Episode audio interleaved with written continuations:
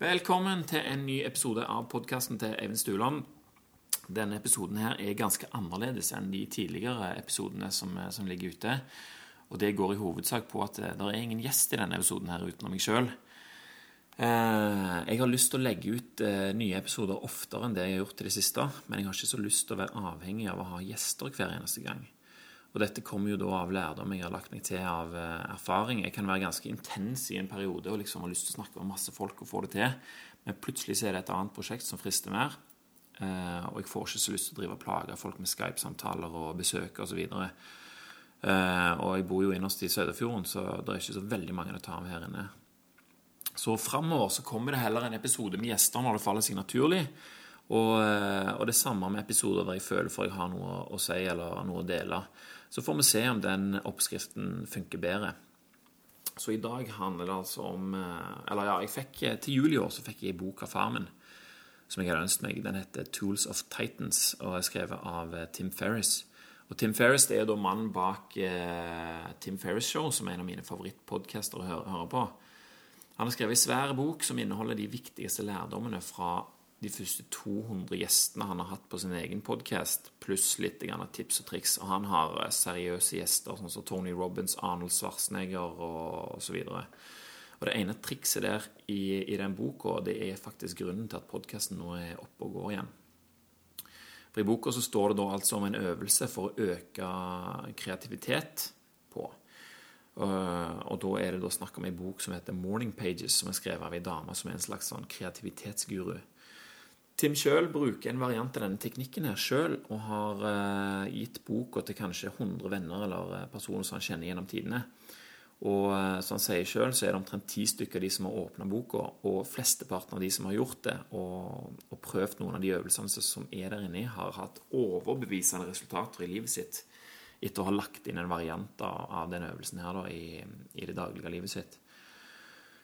I all hovedsak så går det da ut på å stå opp om morgenen eh, og sette seg ned og skrive tre håndskrevne sider med bare det som detter ut av hodet ditt. Og det høres jo eh, når jeg leste det først, så var det sånn Dette høres jo helt sykt ut, men jeg må bare prøve det. Og det er utrolig gøy og veldig veldig virkningsfullt. Eh, for ofte så går en rundt med tanker i hodet hele dagen som vi aldri får eh, liksom festa på et vis. De bare spretter rundt inni hodet der. Men på Morning Pages så får du de altså tankene ned på papir. Og tanken er da at eh, når du har skrevet dette her ned, så har du mye klarere for deg hva du skal gjøre eh, utover dagen. At du slipper å bruke så mye kapasitet på å svinge fram og tilbake og diskutere med deg sjøl. Eh, for det er noe jeg merker òg, at jeg ikke bare skriver jeg ned det som detter ut av hodet mitt, men jeg diskuterer og argumenterer med meg sjøl og kommer fram til ting. Og liksom jeg tar eh, beslutninger. Og det er veldig, veldig nyttig, og kan egentlig ikke tenke meg en bedre start på dagen enn dette her. Eh, jeg har alltid hatt lyst til å stå opp tidlig. Jeg ønsker å være et A-menneske, men jeg er et B-menneske. Eh, og jeg har da tydeligvis ikke hatt nok motivasjon til å få det til på, på denne måten her, før jeg hørte om dette her og bestemte meg for å prøve det. Så nå har jeg i snart to uker stått opp en times tid før resten av utstanden Det blir faktisk tidligere og tidligere.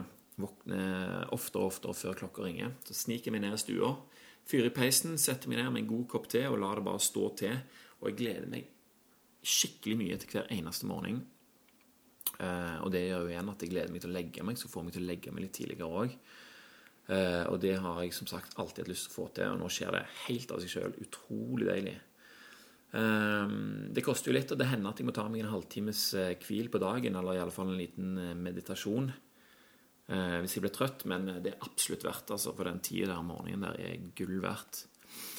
Og Dette har da resultert i at jeg har begynt å skrive massevis. Jeg har ikke skrevet noen ting siden jeg skrev stil på skolen. Jeg. Da var liksom tre sider. Det var liksom skremmende mye. Og jeg leverte alltid en kladd med en gang. Pju, ferdig med det. Eh, men nå eh, skriver jeg så blekket spruter, rett og slett. Hver dag før klokka sju. Til og med i helgene. Jeg står opp lørdagen og søndagen klokka seks for å skrible i ei bok. Det var noe jeg aldri trodde jeg skulle, eh, skulle begynne med. Men det, men det er skikkelig kult.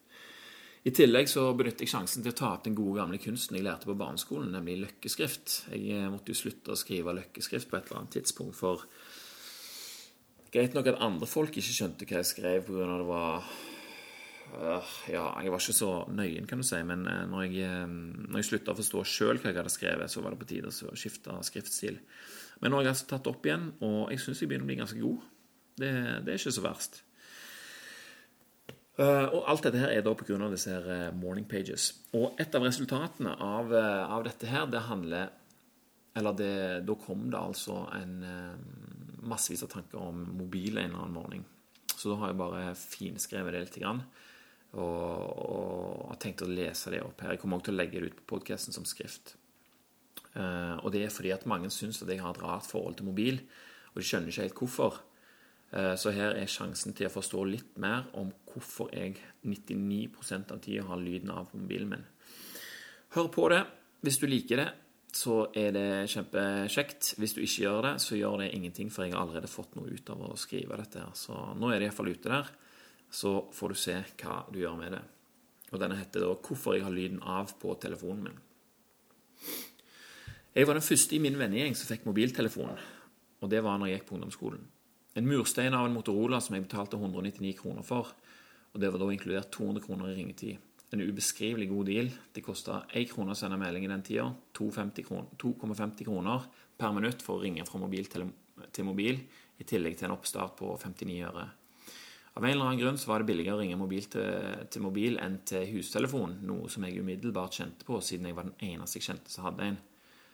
Trikset for ungdommer i den tida var å gi et par ring og legge på før noen rakk å svare igjen den andre enden. Det gjaldt jo så klart bare de som hadde ISDN-telefon i hjemmet og kunne se hvem som ringer. Og løsningen for de som ikke hadde det, ble en kort beskjed som mottaker ofte ikke rakk å svare på. Sånn unngikk vi at kontantkort ble spist opp før den hardt opptjente lønninga fra Nordpost gikk inn på kontoen. Nordpost det var da selvfølgelig levere reklame.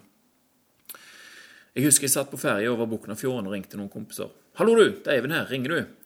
Eh, ringer meg opp igjen på 911-54290. Har du det? Så la jeg på. Lynraskt. Jeg hadde flere ringetoner på telefonen, og de fleste var en eller annen slags versjon av den klassiske telefonringelyden.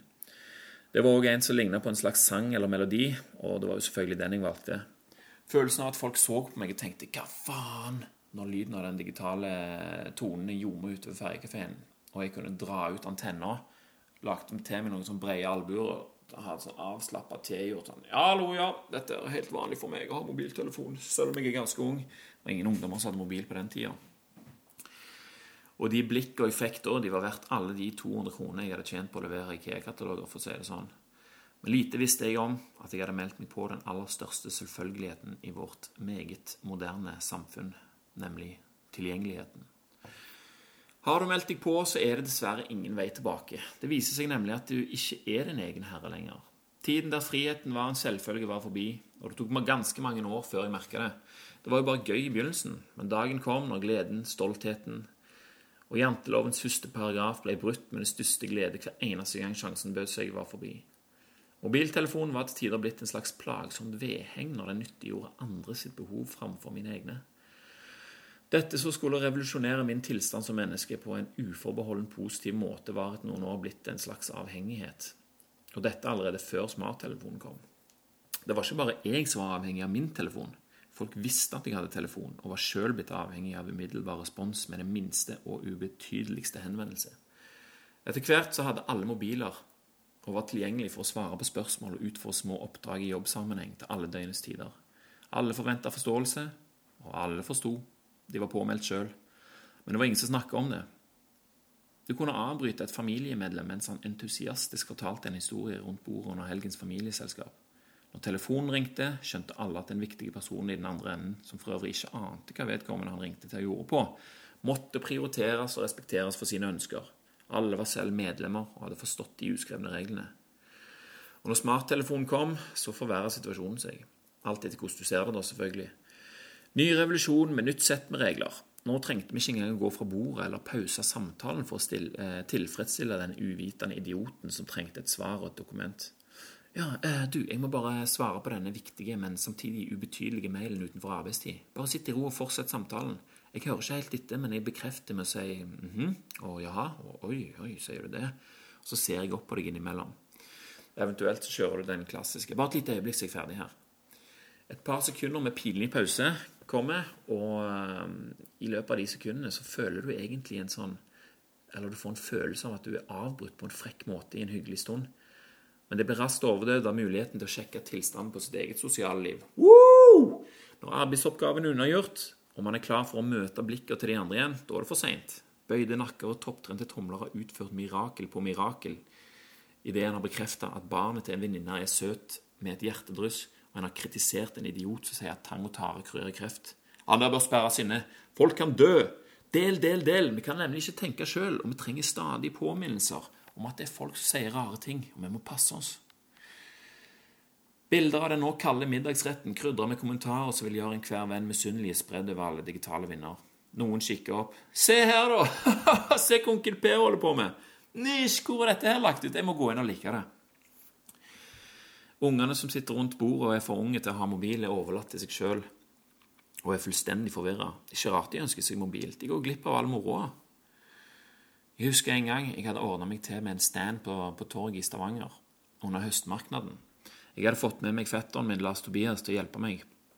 Rett bort forbi vår stand så var det en liten karusell for unger. Det var liksom masse greier som skjedde da på torget. Blant annet denne her karusellen og en sånn idiotiske melkesjokolade, lykkehjul osv.